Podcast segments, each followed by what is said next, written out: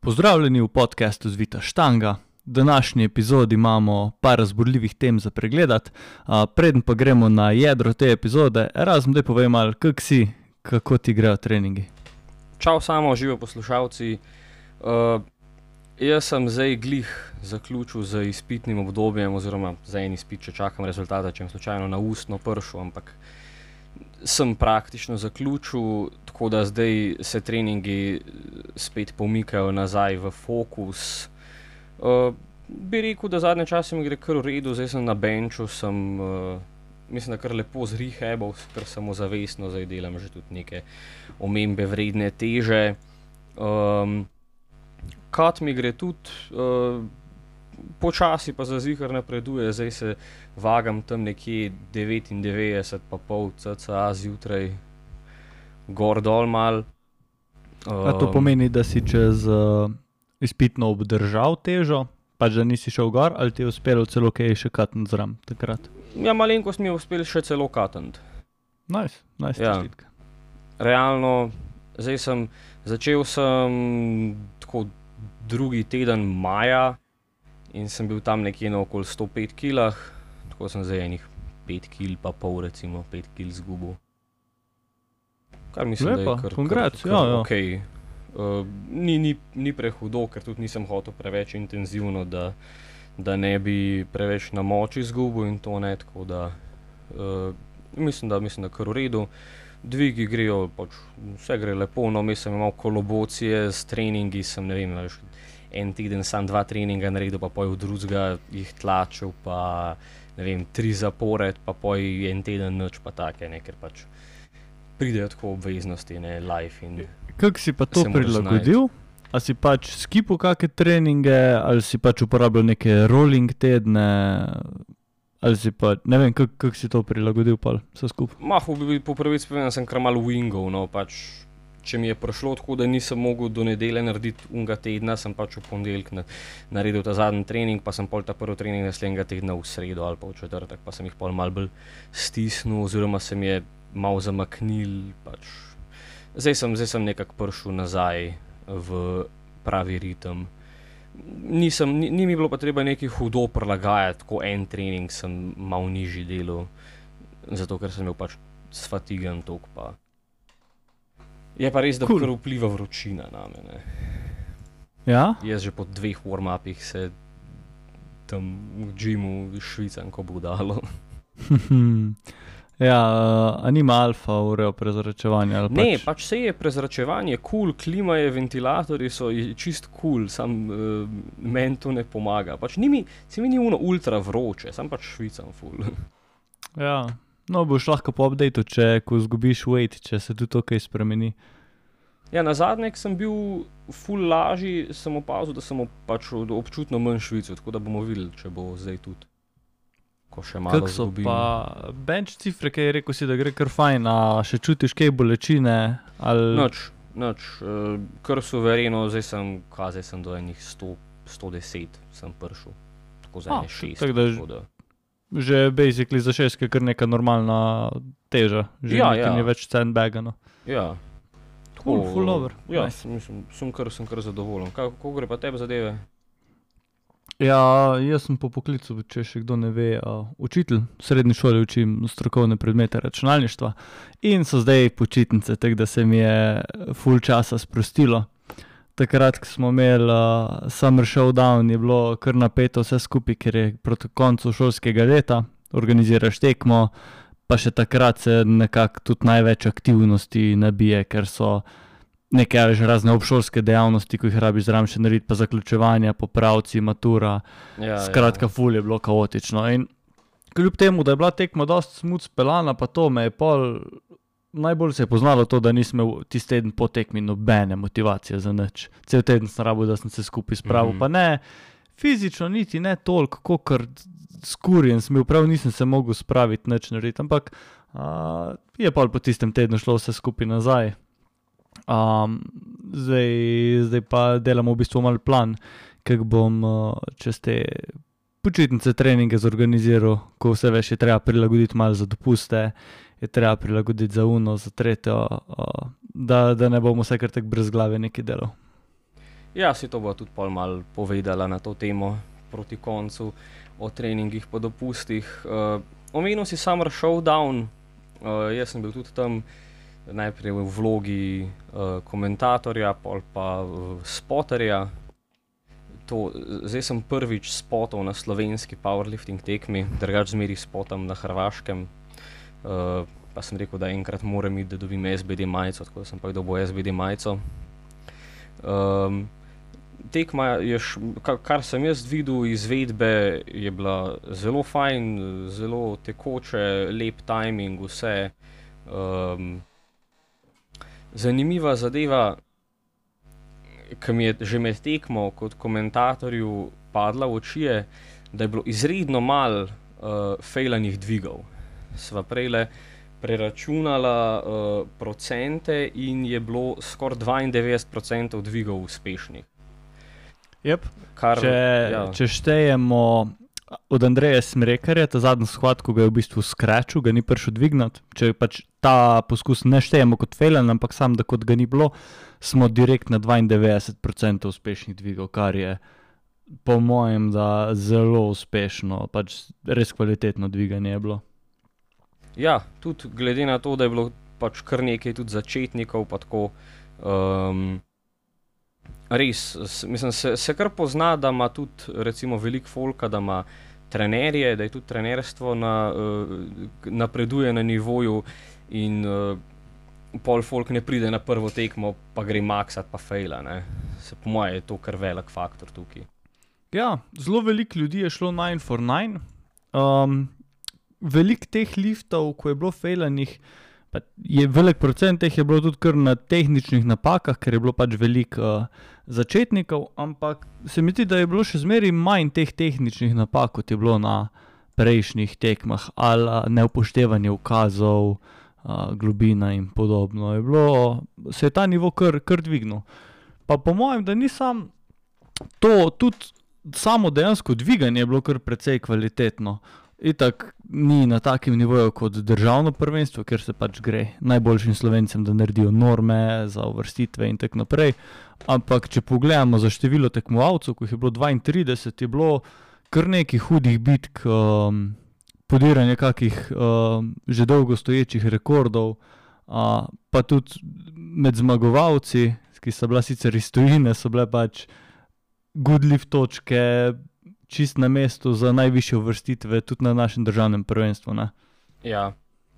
ja, top 3 mm. je tukaj, bi bili vsi najmanj v top 5 na državnem, če se jaz ne motim. Um, ja, veš, da mislim, da, da znaš imeti prav. Če grem, čakaj. Če grem pogledat, 90,92 točk je imel Rene Gornik. Ja, in bi bil Evo, glih, glih peti bi bil. glih glih peti. Za, za 0,4 točke boljš kot isto. Ja, ja. Mogo, mogoče to že prehitevamo, ampak da ima zdaj povedati, če smo glih tukaj. Drugi skupno je bil Andreas Smrekar z 94,81 točkami, ko mislim, da bi bil, bi bil to drugi na državnem ali tretji. Uh, drugi in to kar drugi. konkretno drugi. Ja. In pa Stefano Allen 96,79 točkami bi tudi bil drugi. No? Ja, tako. To je bila pa... ena zanimiva fora. Uh, Andrej Smrekar je z zadnjim dvigom uh, napovedal teh 94,81 točk. Uh, Stefano Allen je pa takrat pred svojim zadnjim mrtvim dvigom imel 94, neki, neki. Tako da bi v bistvu Andreja mogel iti 270, če bi ga hotel pač prehiteti po skupnih točkah, pa da Allen fail svoj zadnji deadlift, ampak tega ni naredil. Tako da sploh ni imel v bistvu šanse za, za skupno zmago. Ne vem, lahko da sploh ni gledal na to, lahko da je imel kakšne druge cilje, ampak. Um, ja, lahko da je pač videl, da ne bo ujel. Ne? Ja, možno, sem se veš, kaj je pri teh zadnji, zadnjih ja, težkih ja, mrtvih dvigih. Ja. Um, je pa res, da mislim, da ono dva skupaj skupi trenirate, tako da mogoče, mogoče niti nista bila tako tekmovalno naravnana en z drugim. Sta bolj bila ja. tako pokažva tem slovencem, da smo boljši, pobereva prvi dve mesti, pa greva tam. ja, ja. Sem slišal pol mal, um, mal pritoževanja v ozadju, uh, kva hodijo ti italijani nam na tekme. da, so, da, da sam pridejo pa poberajo zmage, pa grejo. Ne. Ja, dokler lahko bojo hodili, naj se, Ja, saj to ne, naj se pač, pri nas malo ja. standard dvigne. Ne? Točno to, Ker Slovenci, recimo-. Slovenci ratite močnejši, kaj ne rečem. Ja, Stefano je, mislim, da tretji drugač v Italiji na njihovem državnem v kategoriji do 105. A to niti ja. Ja. ni, No, ni ne vem, kako dober rezultat za njih. Ajde, dober je, ampak ne vrhunski. ja. No, Ja, ja, tudi, tudi to ni bil njegov lifetime best performance, po mojem. Mislim, da je on že čez 800 naredil. Mm, zna biti, ja. A, gremo kar malo po vrsti pogledati, kakšni zanimivi dogodki so bili, če začnemo pri ženskah. Sploh glede na najne napovedi. A, smo napovedali tukaj, da bo za skupno zmago kar borba. In res se je zgodilo, da je bilo v bistvu do zadnjega mrtvega dviga na polno napeto. A, napovedala smo, da zna mogoče tudi Zala Mohar Salkič ogrožati um, Brino Obrezo pa Kristino Rozman. Ja, Pa se zg- sem se jaz mešken za, zagovoril, ker je šla pol precej bolj konzervativno, kot sem mislil, da bo šla. Ja, ja vse včasih je zanimivo tako špekulirati. No, lej, Uh, in na koncu ni v bistvu niti uh, končala na najboljših treh mestih, je bila rahlo za Dašo Demšar, ko je pa presenetila in je uh, skupaj spravila skoraj 92 goodlift točk. Uh, 62, napovedni- misliš. 62, pardon, v napovedniku je nismo postavili tako visoko. E, tako da realno uh, borba za skupno zmago je bila tukaj med Brino Obrezo in Kristino Rozman. In uh, na koncu, po zadnjem mrtvem dvigu, je uh, Brina dvignila 147,5 in se zagotovila 71,58 točk. Uh, Kristina Rozman je bench press kar fajst pušala in je odpirala na 77,5, potem je 82krat failala.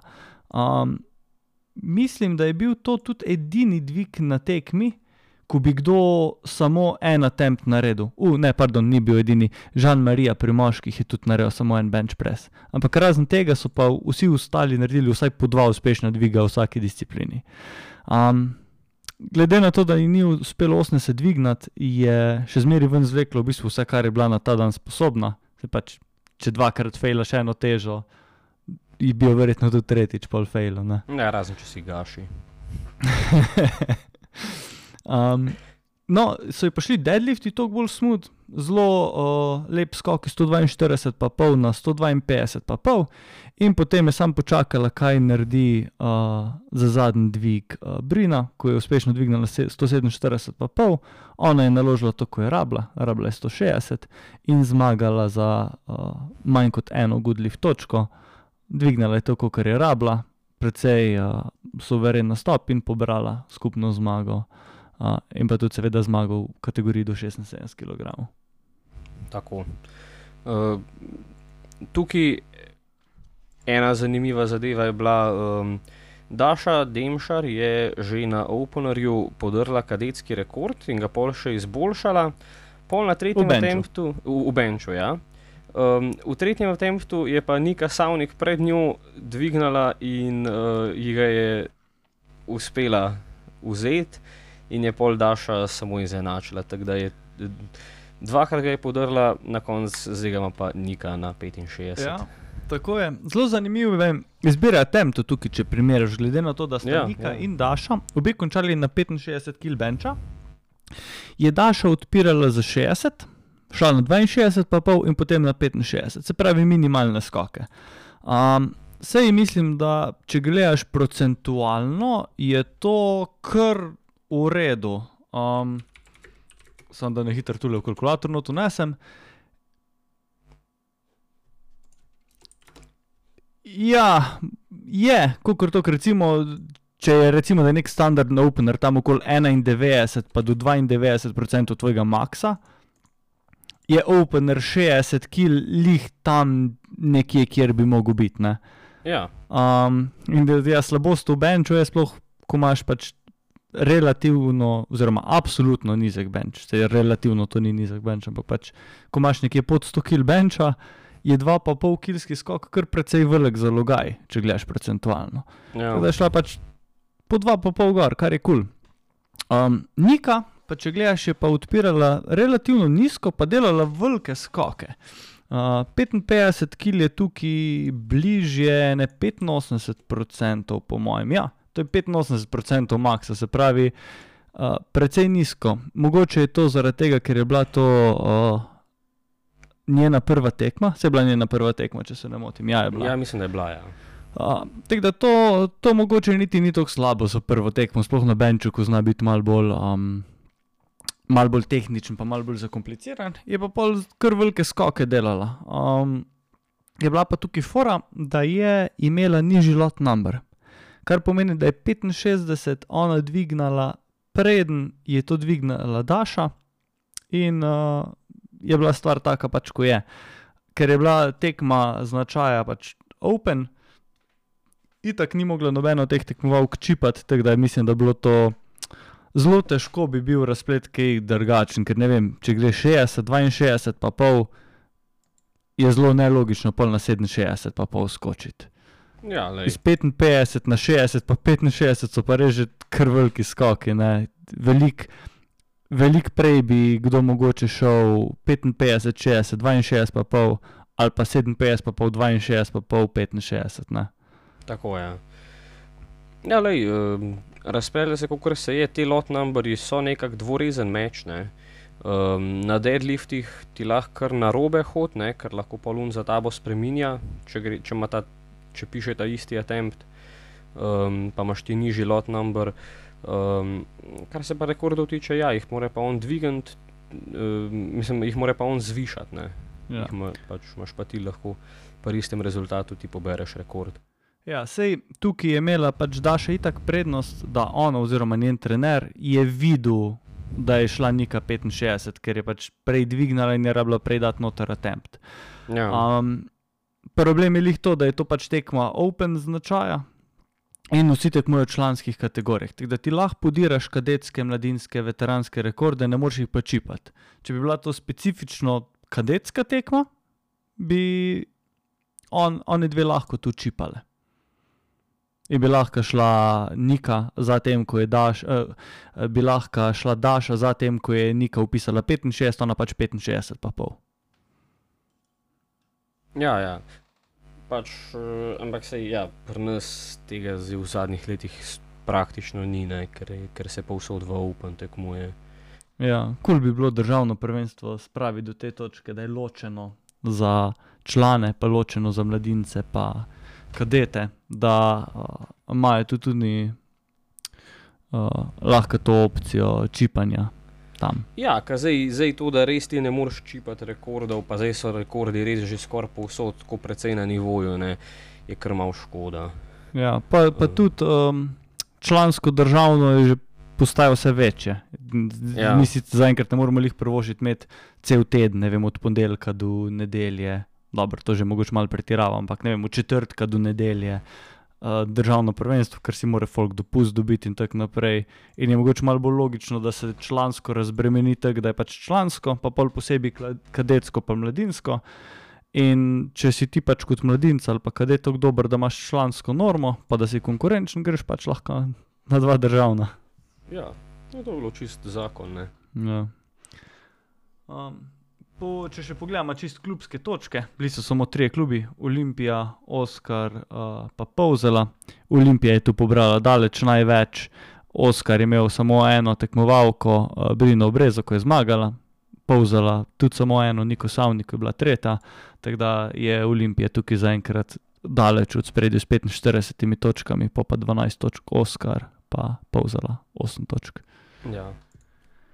Gremo No, če- naprej na moške ali še Ja, moške? tako, ja, če greva naprej na moške, tukaj je bilo malo več dogajanja.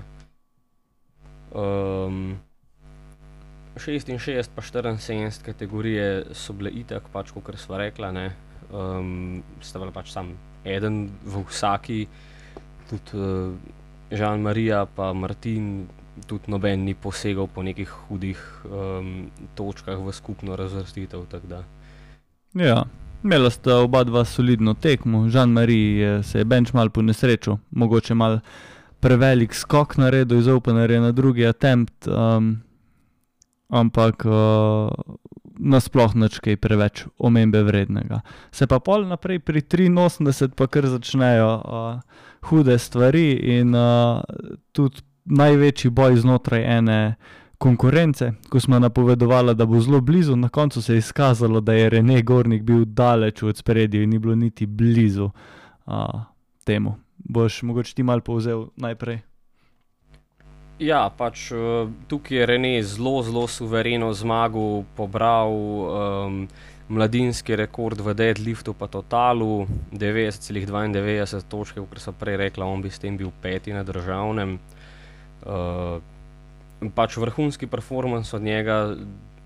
Jaz mislim, da on zna biti tudi kar solidno kompetitiv, uh, zdaj na univerzitetnem, na kjer ga gre. To sem se jaz mal hecal s krokarjem, njegovim trenerjem, da zdaj mora sam še na faks biti sprejet, da pride. Pa je, pa je, rek, je rekel krokar, da, da, da je, je kar zihar, da bo tako. Da.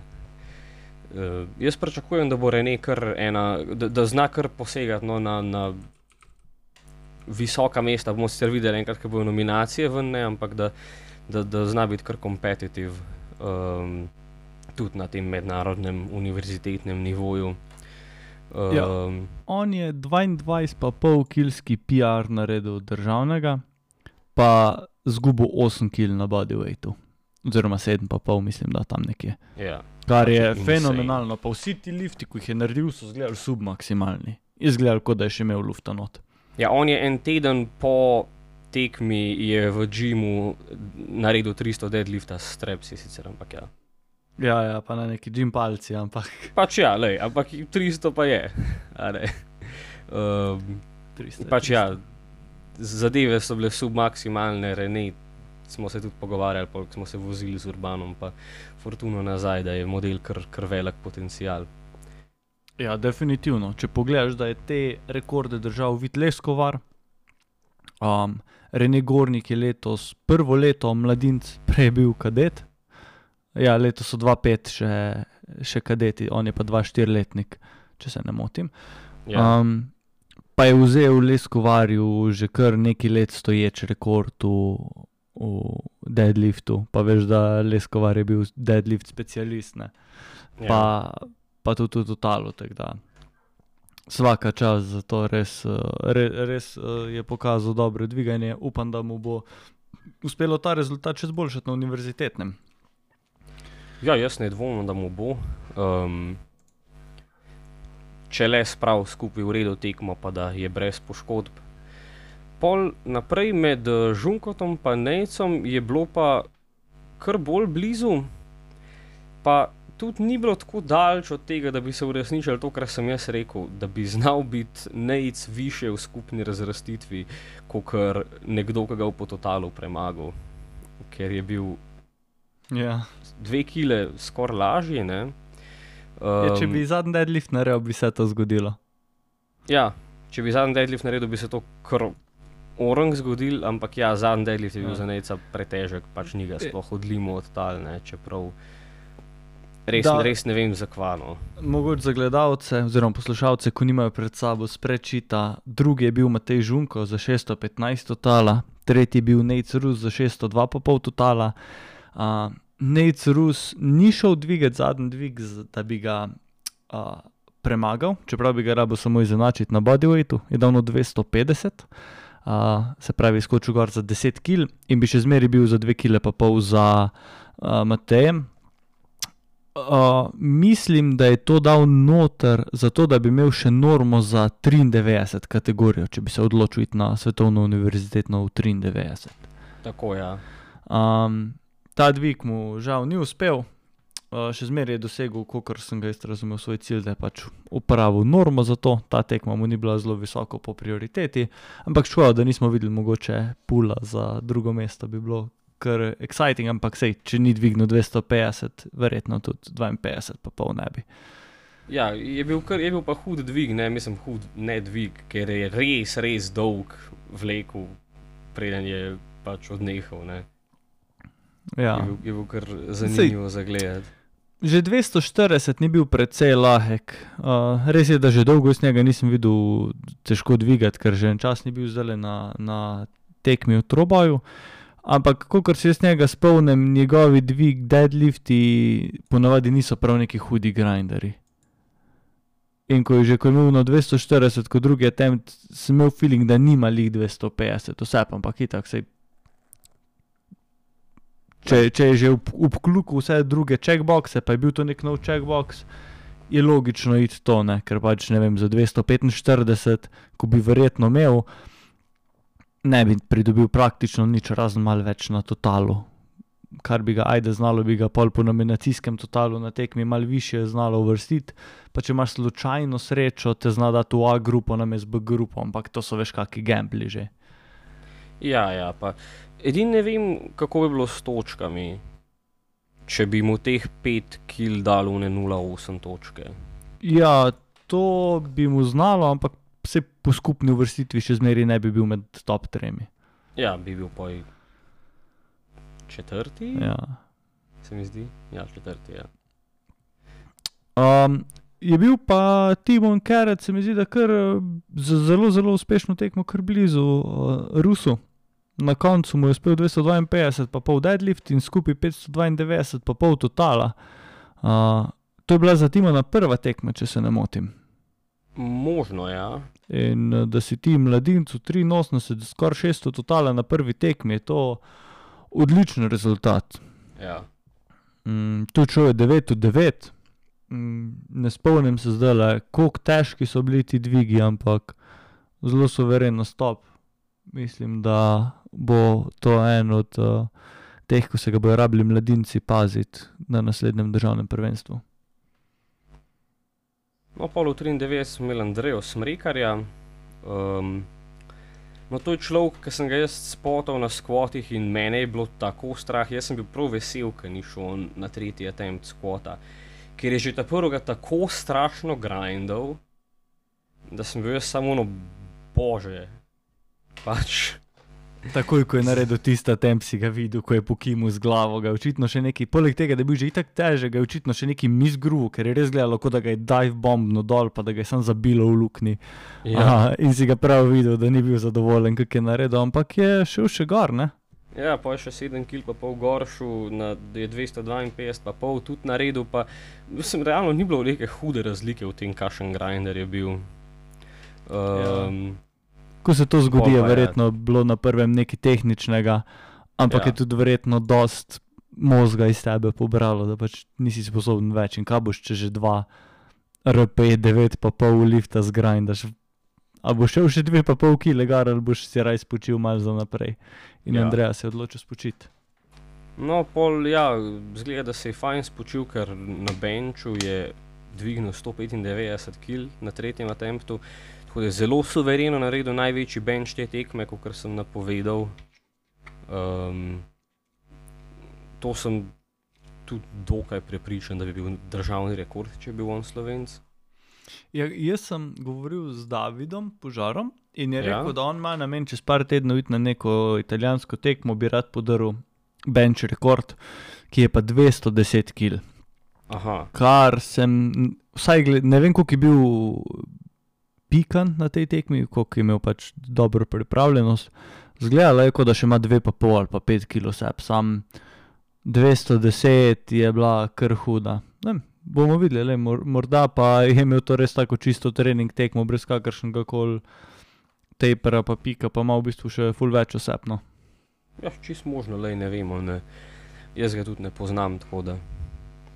Um, no, pol sta bila pa za uh, drugo pa tretje mesto relativno blizu Matej Šemrl pa Blaž Košuta, po točkah zelo, zelo blizu, ker je bil Blaž dost lažji, ampak po totalu pa 10 kg na razen. Pa je Matej je tudi failal tretji deadlift, tako da tukaj ni bilo neke strašne bitke za, uh, za drugo mesto. Mm, Ja, um, spet oba dva sta zelo suvereno dvigala, praktično do, do konca tekme. Um, ni imel uh, blaž dost velikega subtotala, da bi lahko resno ogrožil Mateja, sploh glede na to, da ima Matej večji deadlift.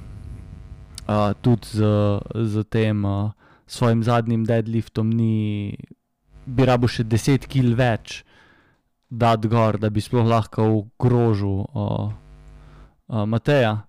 Tako da Ja, tudi Matej, to, pol, ja. ko je zadnji deadlift failil, se ni nič poznalo. Je pa tudi tukaj bilo zelo blizu, da bi imel, um, da bi imel Blaž več točk kot uh, Matej, uh, ker je bil 3 kile, ne 2 kile pa pol lažji in je imel 10 kil manj totala, kar znaše 0,18 točke Goodlift, tako da sta bila zelo blizu.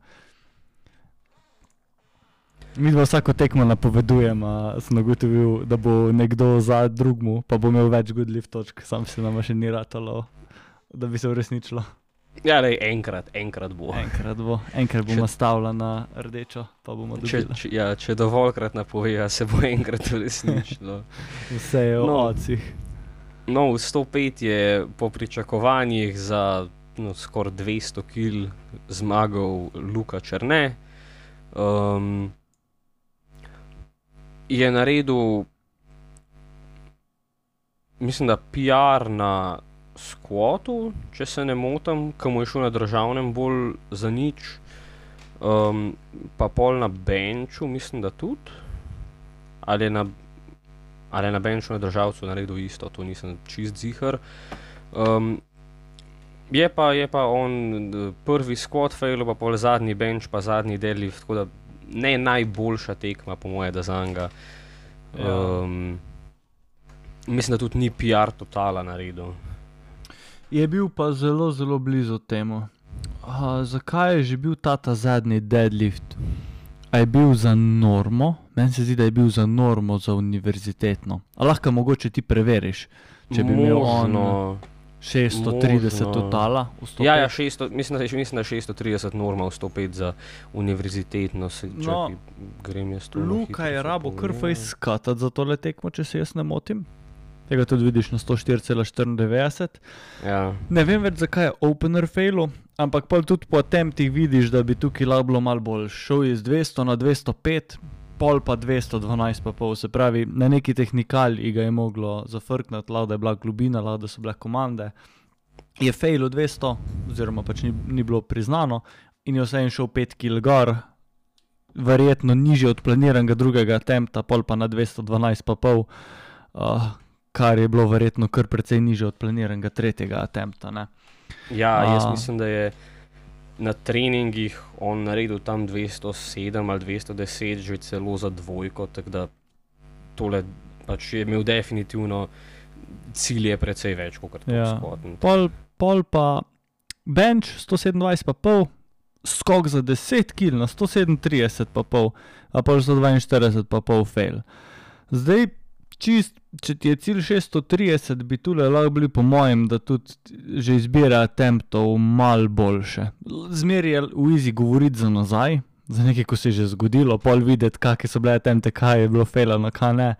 Um, pa zelo lahko je biti takrat kritičen, ampak če bi tukaj bili attempti mal boljši, da bi pač uspel dvigniti subtotal, tudi če bi s tem bili mal nižji attempti, kot bi si jih v glavi želel, ne bi rabo pol 280 dvignati. 280 je bil en od uh, bolj napetih dvigov na tej tekmi in Luka ga je dvignil, ampak je bil lokaut malenkost pretežek in ga je za činkec rabo hičnat. In je dobil modre luči zaradi tega, je nepriznan dvig. Ja.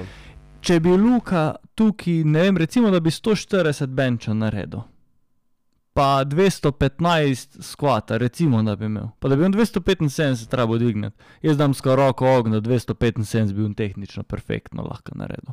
Ja, 275, mislim, da je on že na državnem naredil, tako da 275, ja, sem jaz tudi skoraj zihar, da bi naredil. Hmm. Škoda, res. Ne vem, lada, lada mu je mal uh, leverage, throw offer, sploh na počepu zaradi kata, pa da ga je to malo stavilo, ampak uh, bi bilo super videti tudi Lukata potem na univerzitetnem. Ja. No, sta pa v 105 uh, nastopila še, uh, no, trije so še bili, ampak dva sta tukaj, um, David Stojanovič in Miro Radosavljevič, um, ki sta oba podrla v vseh treh dvigih, uh, David, uh, veteran ena rekorde, Miro pa veteran dva rekorde. Mhm. Uh, vse, vsi trije dvigi in total, uh, tako da za oba dva lep performance. uh, Miro Itak že uh, kar stalnica na uh, slovenskih tekmah. Mislim, da odkar je začel powerlift, da je na čisto vse tekme šel. ja. Sej, to je tudi prav, se nimamo toliko tekm, da ne bi mogli te dve, tri na leto, bomo pa že šli. Ja, no, ja, štiri, recimo, če on gre tudi na bench državno, ja. ne, to, ja, torej, ja, ene štiri na leto. Vse, veš, če ti niso vse te tekme prioriteta, pa če ja, ne, ne pikaš full hard za vse, ni, ni razloga, da bi rabo tekme spuščati.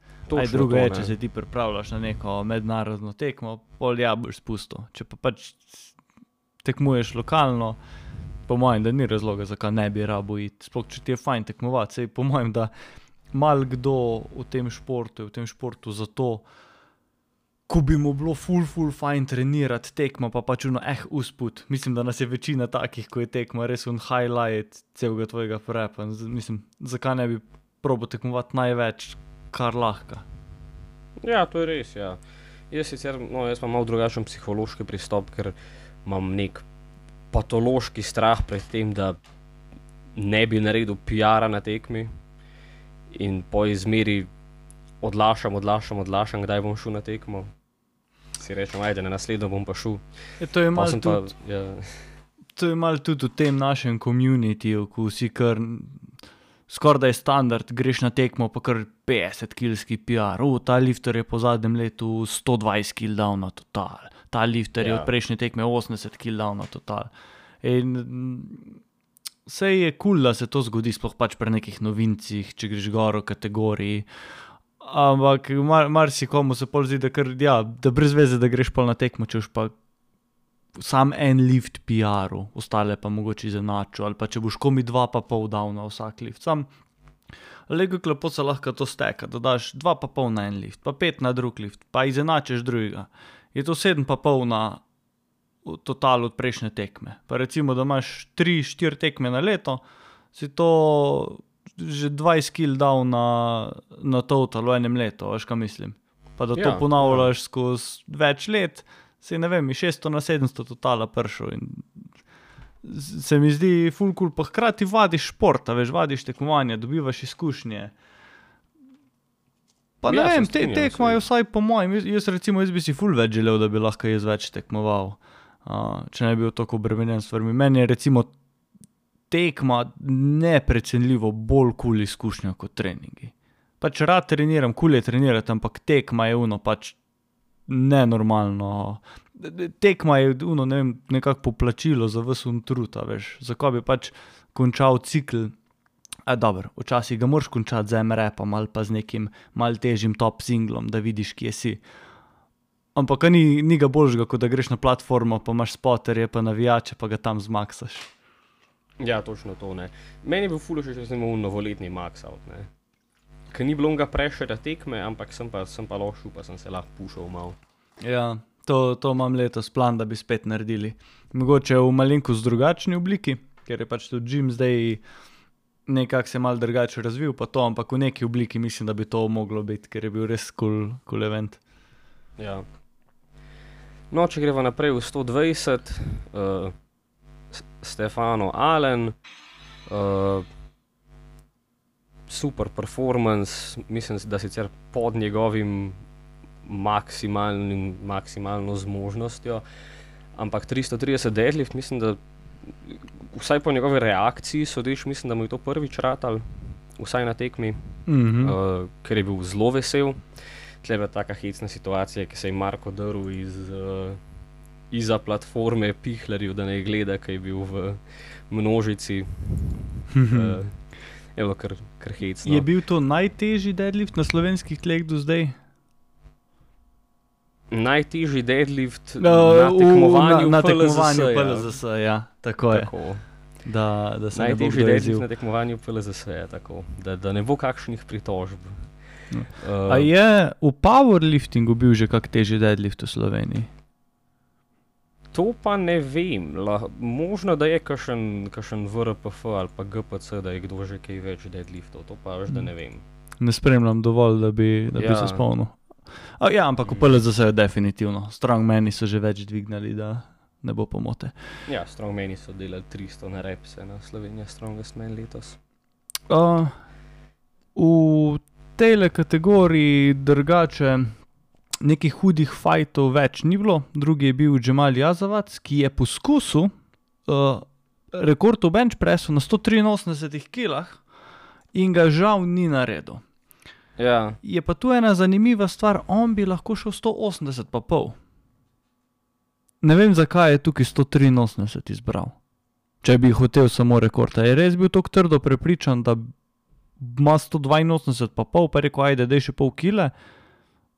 Ampak tu bi bila, sploh če ti je cela tekma nekak cilj, bench rekord podred, sploh če si tak bench specialist kot je on, ne. Ne vem, zakaj ni šel 180 pa pol. Ta rekord zdaj že zelo, zelo dolgo vem. stoji. In mislim, da bi kar pritisnili, uh, glede na to, da je zdaj Edi že kar blizu tega rekorda, Jalšovec je že tudi napadel ta rekord. Uh, bi kar mal, uh, mal pritiska naredilo pri nas, da, da bi se to končno spet podrlo, ampak mu žal ni uspelo. Ne vem, ne vem zakaj tak attempt. le, lahko da je tudi kaj, ja, veš, da je kaj narobe videl ali karkoli. Ne? Um, ne vem, skratka, ja, žal mu ni ratov. Je pa uh, na tretjem mestu, pa Jošta za Volovška, njemu je ratala pa zelo lepa tekma.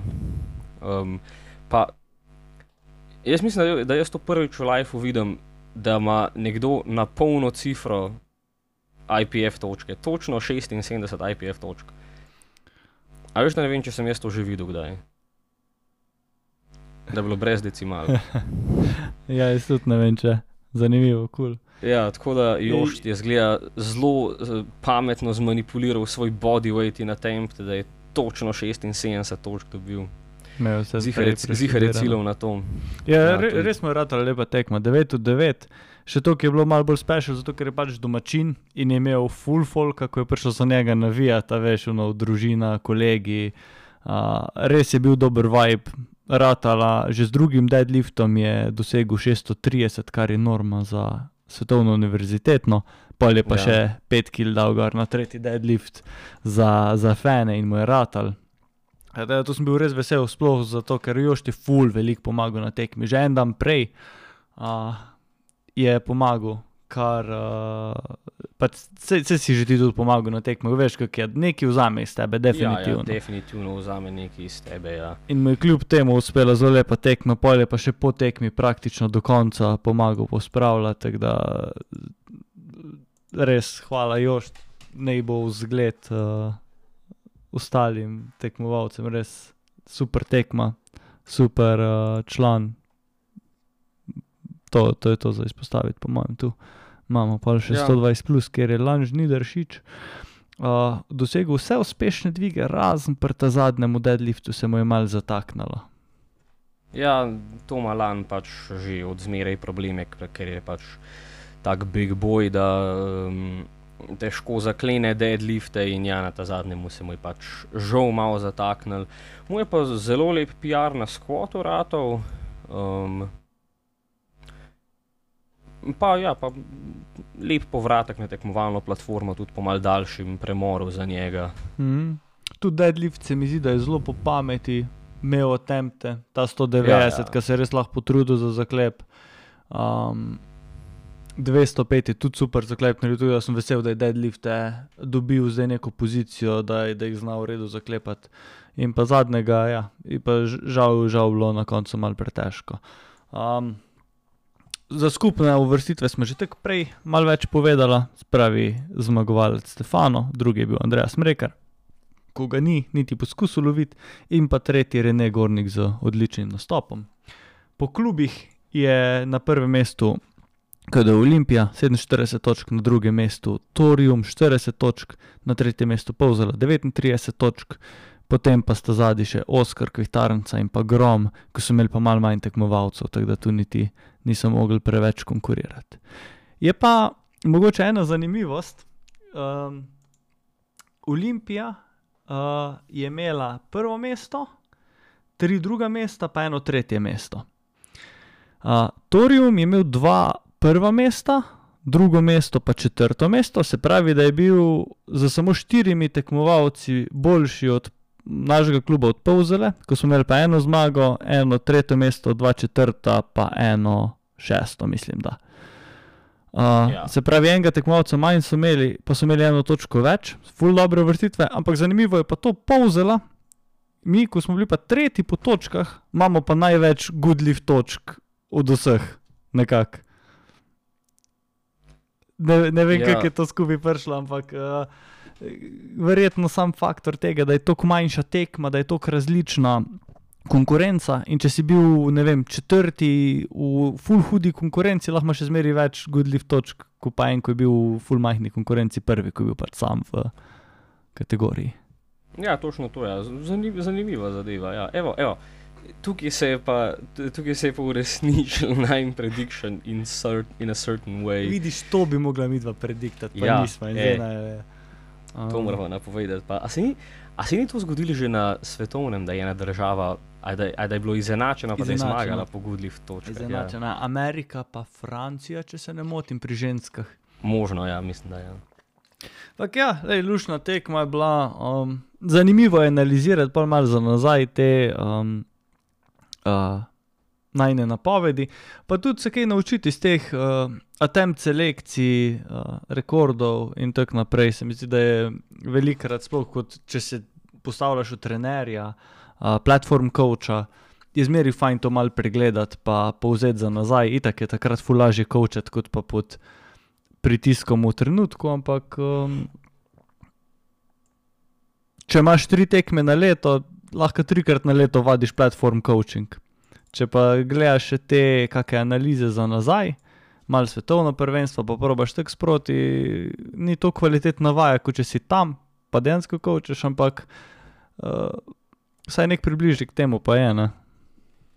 ja, definitivno je koristno za nekoga, da tako malo gleda. Mislim, sej že jaz, recimo, sem se kar nekaj naučil iz takih bolj analiz, da mislim, da zdaj lahko tudi kar suvereno handlam v njih par svojih, oziroma no, na državnem jih ne morem, zato ker tekmujemo vsi v isti kategoriji.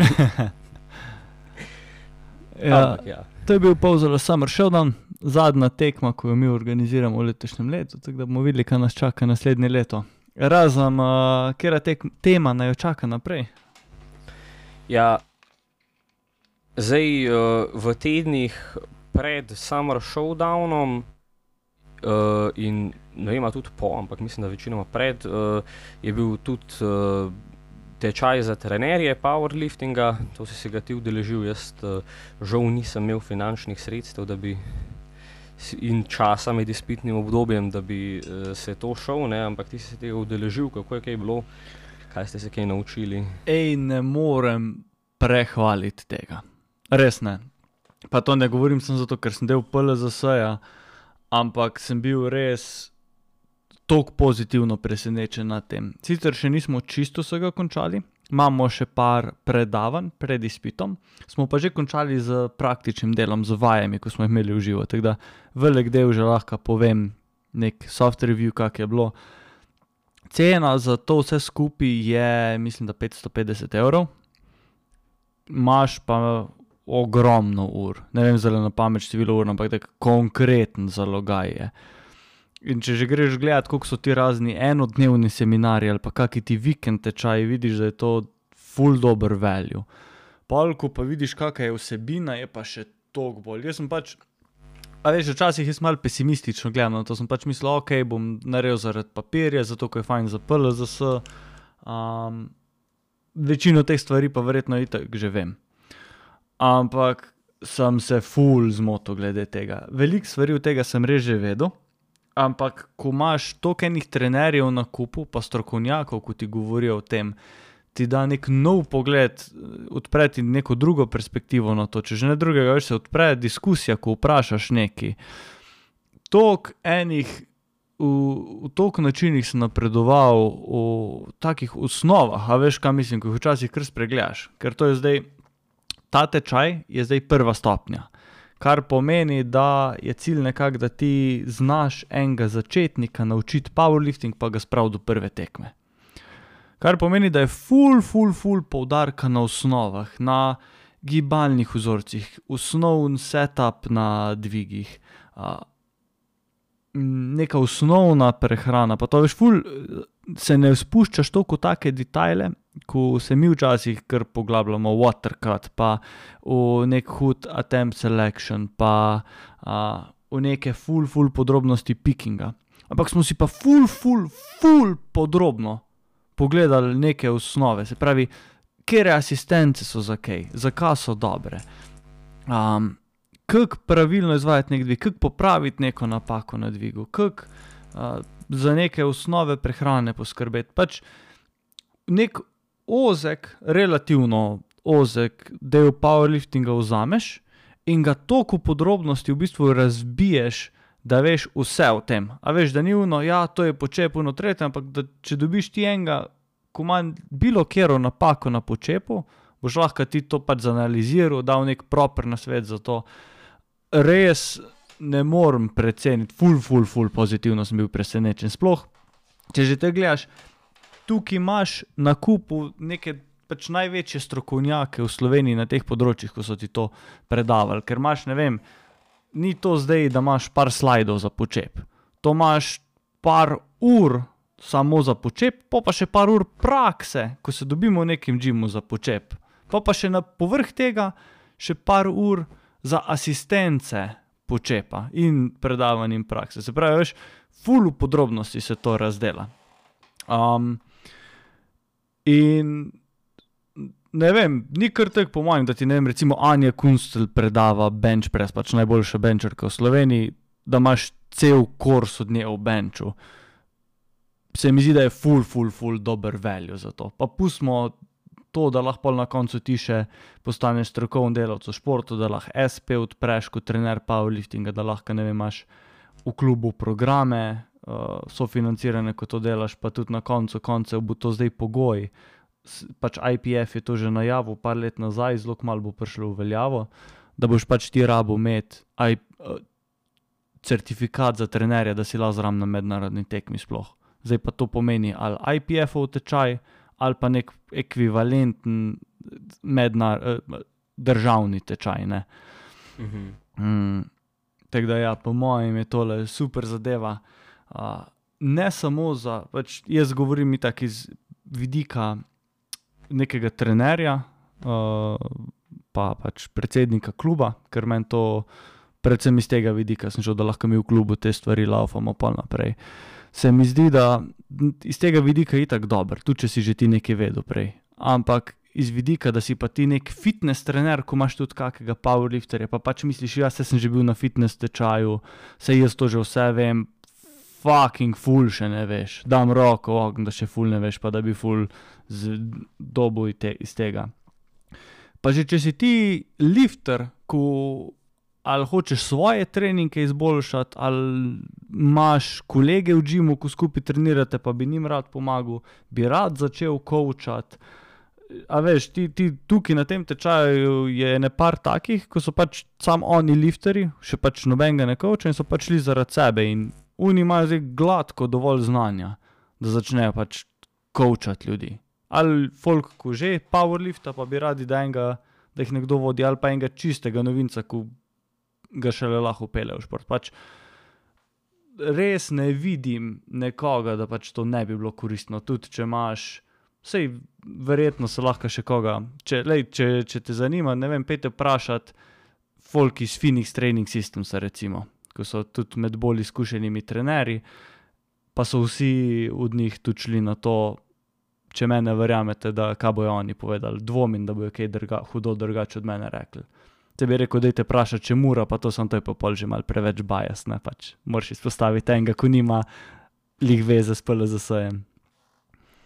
Uh, ja, to, to kot tem, uh, kak zelo hud review, uh, lahko mogoče naredimo pol, ko bo konc tega, da mogoče malo bolj razdelimo, kje predmeti so bili, kaj vse smo obdelali, pri katerem predmetu, da, da bo folk malo bolj vedel, ampak tako čisto kot neke general vtise, res nimam niti ene slabe stvari za povedati.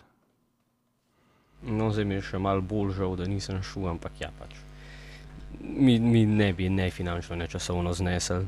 Ja, je, je kar zalogaj. Pač, ja, po dvakrat na teden tista pač predavanja, po 4-5 ur, plus še un, ja. obvezen ali splošen del vsebin, kakorkoli se že reče, ko ga imajo defaultci prej, ko moraš še to zraven obdelati, plus za vikende po cel dan vaje, tako da pač se kar nabere časovno. No. Ja, si moraš vzeti cajt. No, se upam, da naslednjič to zorganizira, da ne vem, mogoče enkrat ali bolj med letom ali pa bolj med poletjem, da ne bo glih takrat, ko imamo najhujši naval. Ampak se ja, valjda ni, ni, se ne prilagaja to zdaj študentom. Um, ja, poletje je ne več pred vrati, je prišlo skozi vrata. In s tem so prišli tudi dopusti, samo kam greš, kaj na dopust, imaš že kaj splaniran. Uja, ja. tale vikend grem na en festival na Hrvaško. Uh, Tako malo manj zadevca v nekem kanjonu je, uh, mislim, da se reče Bearstone Festival. Uh, že lani smo bila s Toastom, ko je bila prva izvedba, pa je bila takrat zastojn. Smo zadnji trenutek videli, da je, pa smo rekli, čisto spontano, ajde gremo. In smo bila tako zadovoljna. Predstavljaj si, če bi bil metal camp, oziroma metal, da je stekaj 15krat manjši. A veš, tam v nekem kanjončku si, nekaj potok je zraven, fulje čil, precej majhno, meni je, meni je top shit. Letos so sicer pač karte bile za plačati, uh, ampak je bilo tako dobro, da, da smo se spet odločili. Pol za tem imam pa še en pač čist privat dopust, planiran malo v Balca pa tak. Ti, kam greš kaj? Ja, jaz bom zelo naslednje dva tedna, imam bolj šiht v planu, pa gremo pa z Mašo malo na road trip po tej srednja Evropa, Češka, Poljska, Slovaška. Um, bom videl, kakšne zaloge nabaviti, ker so stvari tam cenejše kot pri nas, sploh pivo. ne. Uh, to imam v planu, pa imam karto za Kesla, bom videl, a bom, a bom šel, odvisno pač.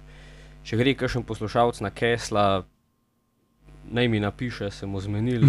Jaz smo mene Eh. z našega džima, ko hoče karte kupiti, tako da te lahko hukam. No, evo, če, pa, če, pa, če, pa, eh, če se pa odločim, da ne grem, mi už pa dal kontakt, da njej prodam karto.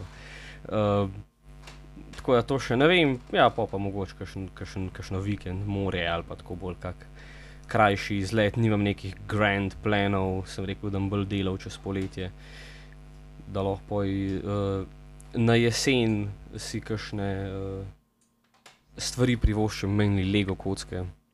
Nice. Ko me followate na Instagramu, veste, da je, je moj uh, potrošni hobi. Uh, pač tema, ki smo jo mislili na tole na hitro obdelati, je treningi med dopustom.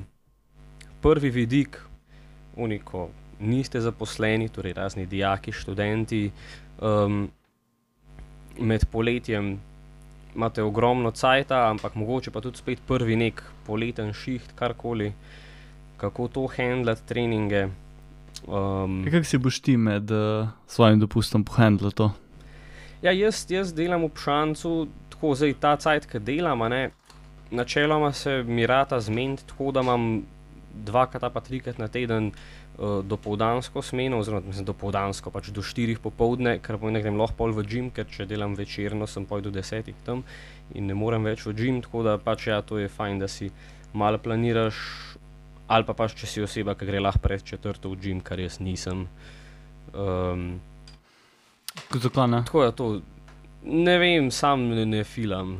Jaz, če imam ob štirih ših, to pomeni, da je moj dan do štirih stran vržen, mogoče bom šel v trgovino ali pa še to ne ponovadi. Aha, Ne okay. vem, čist, uh, nimam, nimam samo discipline, da bi si rekel, ne vem, ob 12, ajde grem zdaj v gym. Pa.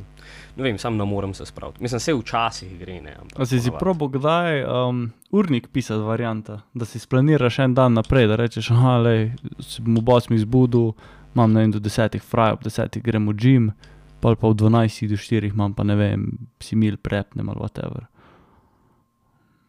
Ja, mislim, probaval sem, ampak sem ponovadi prespal ta prvo zdijo, pa si pa vse zamaknil, pa sem pa rekel, ne upam si tu žim, da nam slučajno na šiht zamudil. Ampak no, se mogoče pa bom probal, sej ta teden imam sicer srečo, da delam vse do povdanske, tako da um, grem lahko lepo, urban, če poslušaš, sem on track. Uh, naslednji teden bom pa videl, mogoče bom pa res mogel probati to.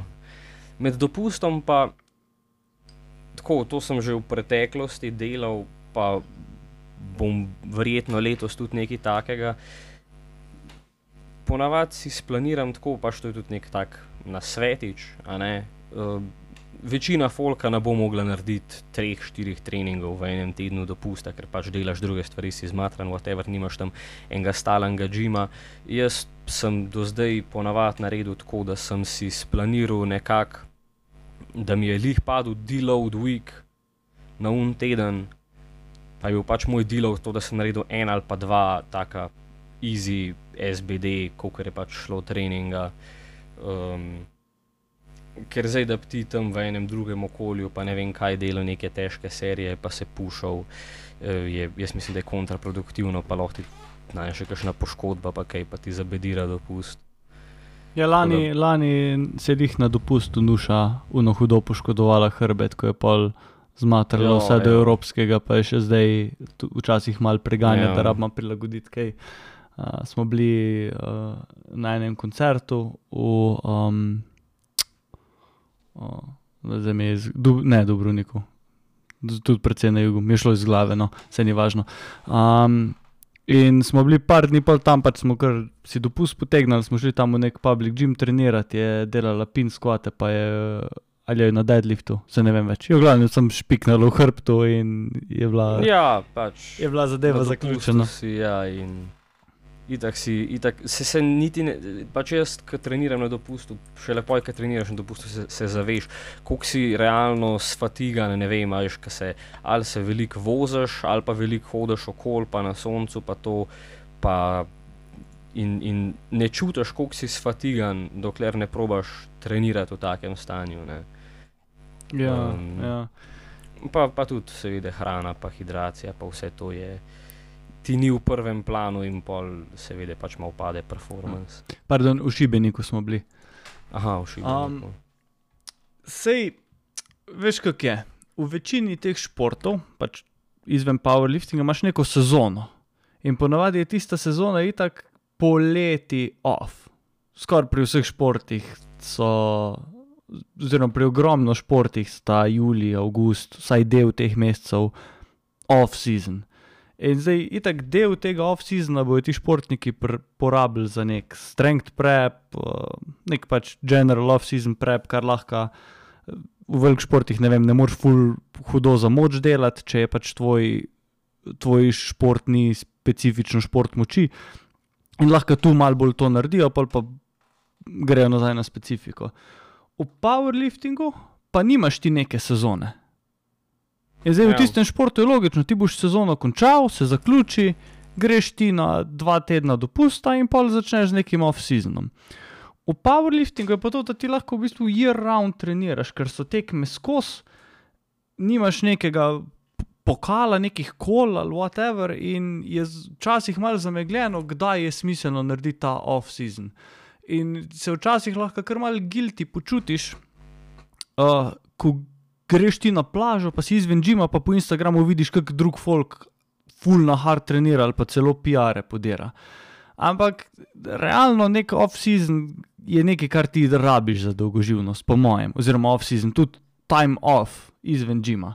Kar ne pomeni, tako si že ti prej rekel, da ne rabiš čist čist na hard trenirati, ampak če si ti urejo splaniraš treninge okoli tega, po mojem, da ne rabiš ti zdaj neke hardcore treninge takrat delati, ampak rabiš neki, da ti ne bo pripravljenost fulho dopadla. Pa to včasih tudi en teden izven džima, brez vsega, ni najhujša stvar na svetu.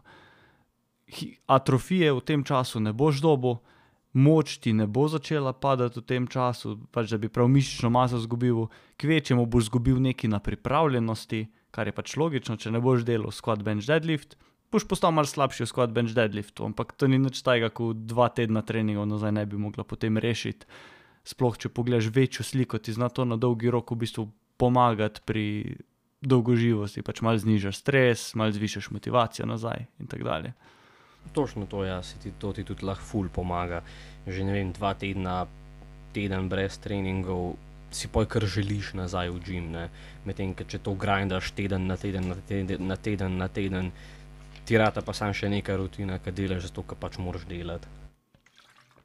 Ja, Si pa ti rekel, da boš na tem tvojem dopustu tudi eksplaniral, da imaš takrat deload. Ne? Mislim, ja, z urbanom se menva zdaj. Mislim, da mi pade glih tako, da, da zaključim cikl en teden, preden grem na dopust, oziroma tako manj kot en teden. Tako da bo po mojem naredila, da bom pač zaključil cikl, mogoče imel še recimo dva ali pa tri treninge, še malo pušnu, um, pa pojem teden nek tak delov, ne vem, da bom šel pač kaj se jim v Krakovu, v en gym enkrat za eno uro, pa pojem ne vem, nek na češkem, čez dva dni šel v en gym za eno uro, jih to, da nekaj naredim. Ne. Nice. Kako si pa te džime najdel?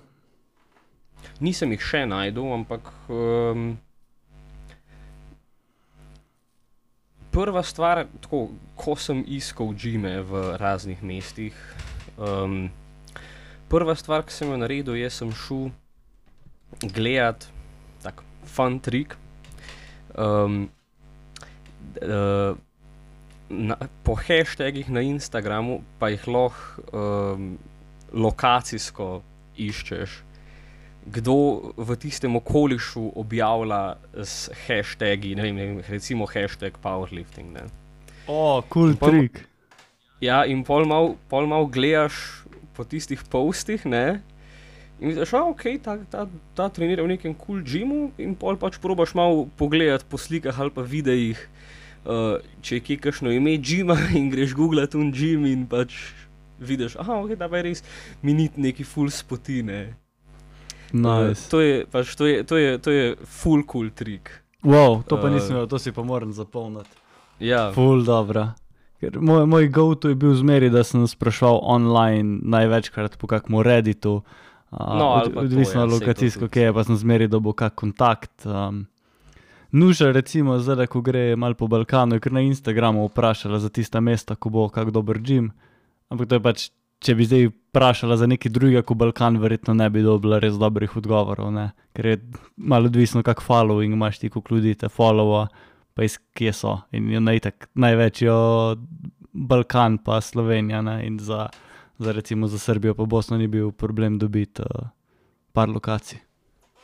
Ja, no, sej, ali pa, ali pa realno, jaz mislim, da tudi če bi napisal, um, po mojem, da tudi če bi napisal ti mail uh, neki nacionalni powerlifting federaciji ali pa lokalnemu powerlifting klubu, pač malo pogledaš, ne vem, da bi šel jaz na Polsko, bi pač pogledal po pač polsko, polski IPF in pogledal, kjer klube v Krakovu, pa bi tam jim na mail stisnil v angleščini, pa jaz mislim, da bi odgovorili po mojem. Ja, ja. Pol po Skandinaviji, pa to je pitek že da sem, da, da napišeš, ne vem, powerlifting klub, pa ime mesta, pa vidiš, kaj že ja, imajo, ker tam je tega ful. Ja, tam imajo pa itek povsod, delejko pa. Je to, to za ta, ta deload, pa to je full dobro, da če si lahko splaniraš okoli tega, pač Itak, če vidiš, da si pač v off-seasonu, pa da je tvoj letni plan tak, da si lahko tisti en teden off prvošiš, po mojem, da ni najhujša stvar na svetu, če si ga. Če res hočeš trenirati, je pa po mojem res najboljša stvar, tako si rekel, nek deload, kjer ti je lahko trening pade na neko sekundarno mesto, da je tvoja uživancija pač dopust na prvem mestu in si prilagodiš, da lahko tudi v nekem ne tako specifičnem powerlifting gymu narediš, pa, pa da se malo poigraš na kakih mašinah. In ti bo verjetno še zmeraj malo pripravljenost padla, če ne boš tako specifično treniral, ampak ker boš delal za te mišične skupine, boš še zmeraj prišel bolj pripravljen nazaj, kot pa, kot pa če ne bi čisto več treniral. To je po mojem druga tista opcija, ko jo lahko narediš na dopustu. Um, v primeru, da, ja, te... da, da, da se ve, da nisi v nekem zelo, zelo hudem prepu za neko tekmo. Ne? Ja.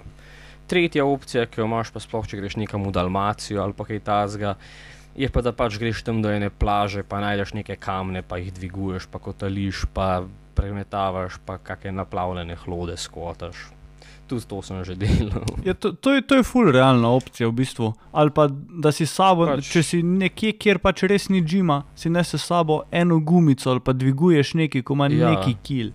Ker lahko ti ogromno, tudi če greš recimo za en mesec, kar je že dovolj na dopust nekam, kjer ni džima, kar je že pa, pač dovolj, da ti moč konkretno pade, tudi neke atrofije, že verjetno.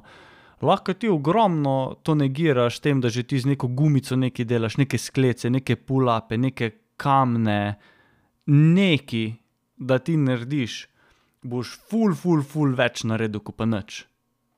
Točno to. Nek upad lahko še zmeraj pričakuješ, ampak neverjetno, koliko v, bolj enostavno je vzdrževati moč, kot pa pridobivati. Ti rabiš ful, ful, ful, ful več delati, da boš pridobival moč, kot pa za vzdrževanje. Za vzdrževanje rabiš velikokrat že nekaj malega, uh, da ti pač mišice ne začnejo padati, pa, pa moč in tako naprej. Ja. Ja, lej. Uh, lahko nam pošljete svoje videe, prigode iz dopustov, kako ste se vi znašli, mogoče kakšne vaše tipse za treninge na dopustih. Uh, lahko nam pošljete na Instagram, bova jih pokomentirala na naslednjem podkastu, če se jih kaj nabere. Oziroma, mogoče tudi poj enkrat na podkastu konc poletja, da boste imeli cajt. Um, pa lahko razpišemo en natečaj za največji kamen, ne najtežji, ampak največji kamen, dvignjen na ramo to poletje. Kdor dvigne največji kamen na ramo to poletje in nama pošle video, ga bo šautautala in uh, na podkastu, in jaz ga bom objavil na story. In mogoče dobi darilo. Kaj bo darilo? Mogoče. Boš le kot skedal. Ne, uh, no way, to je predrago.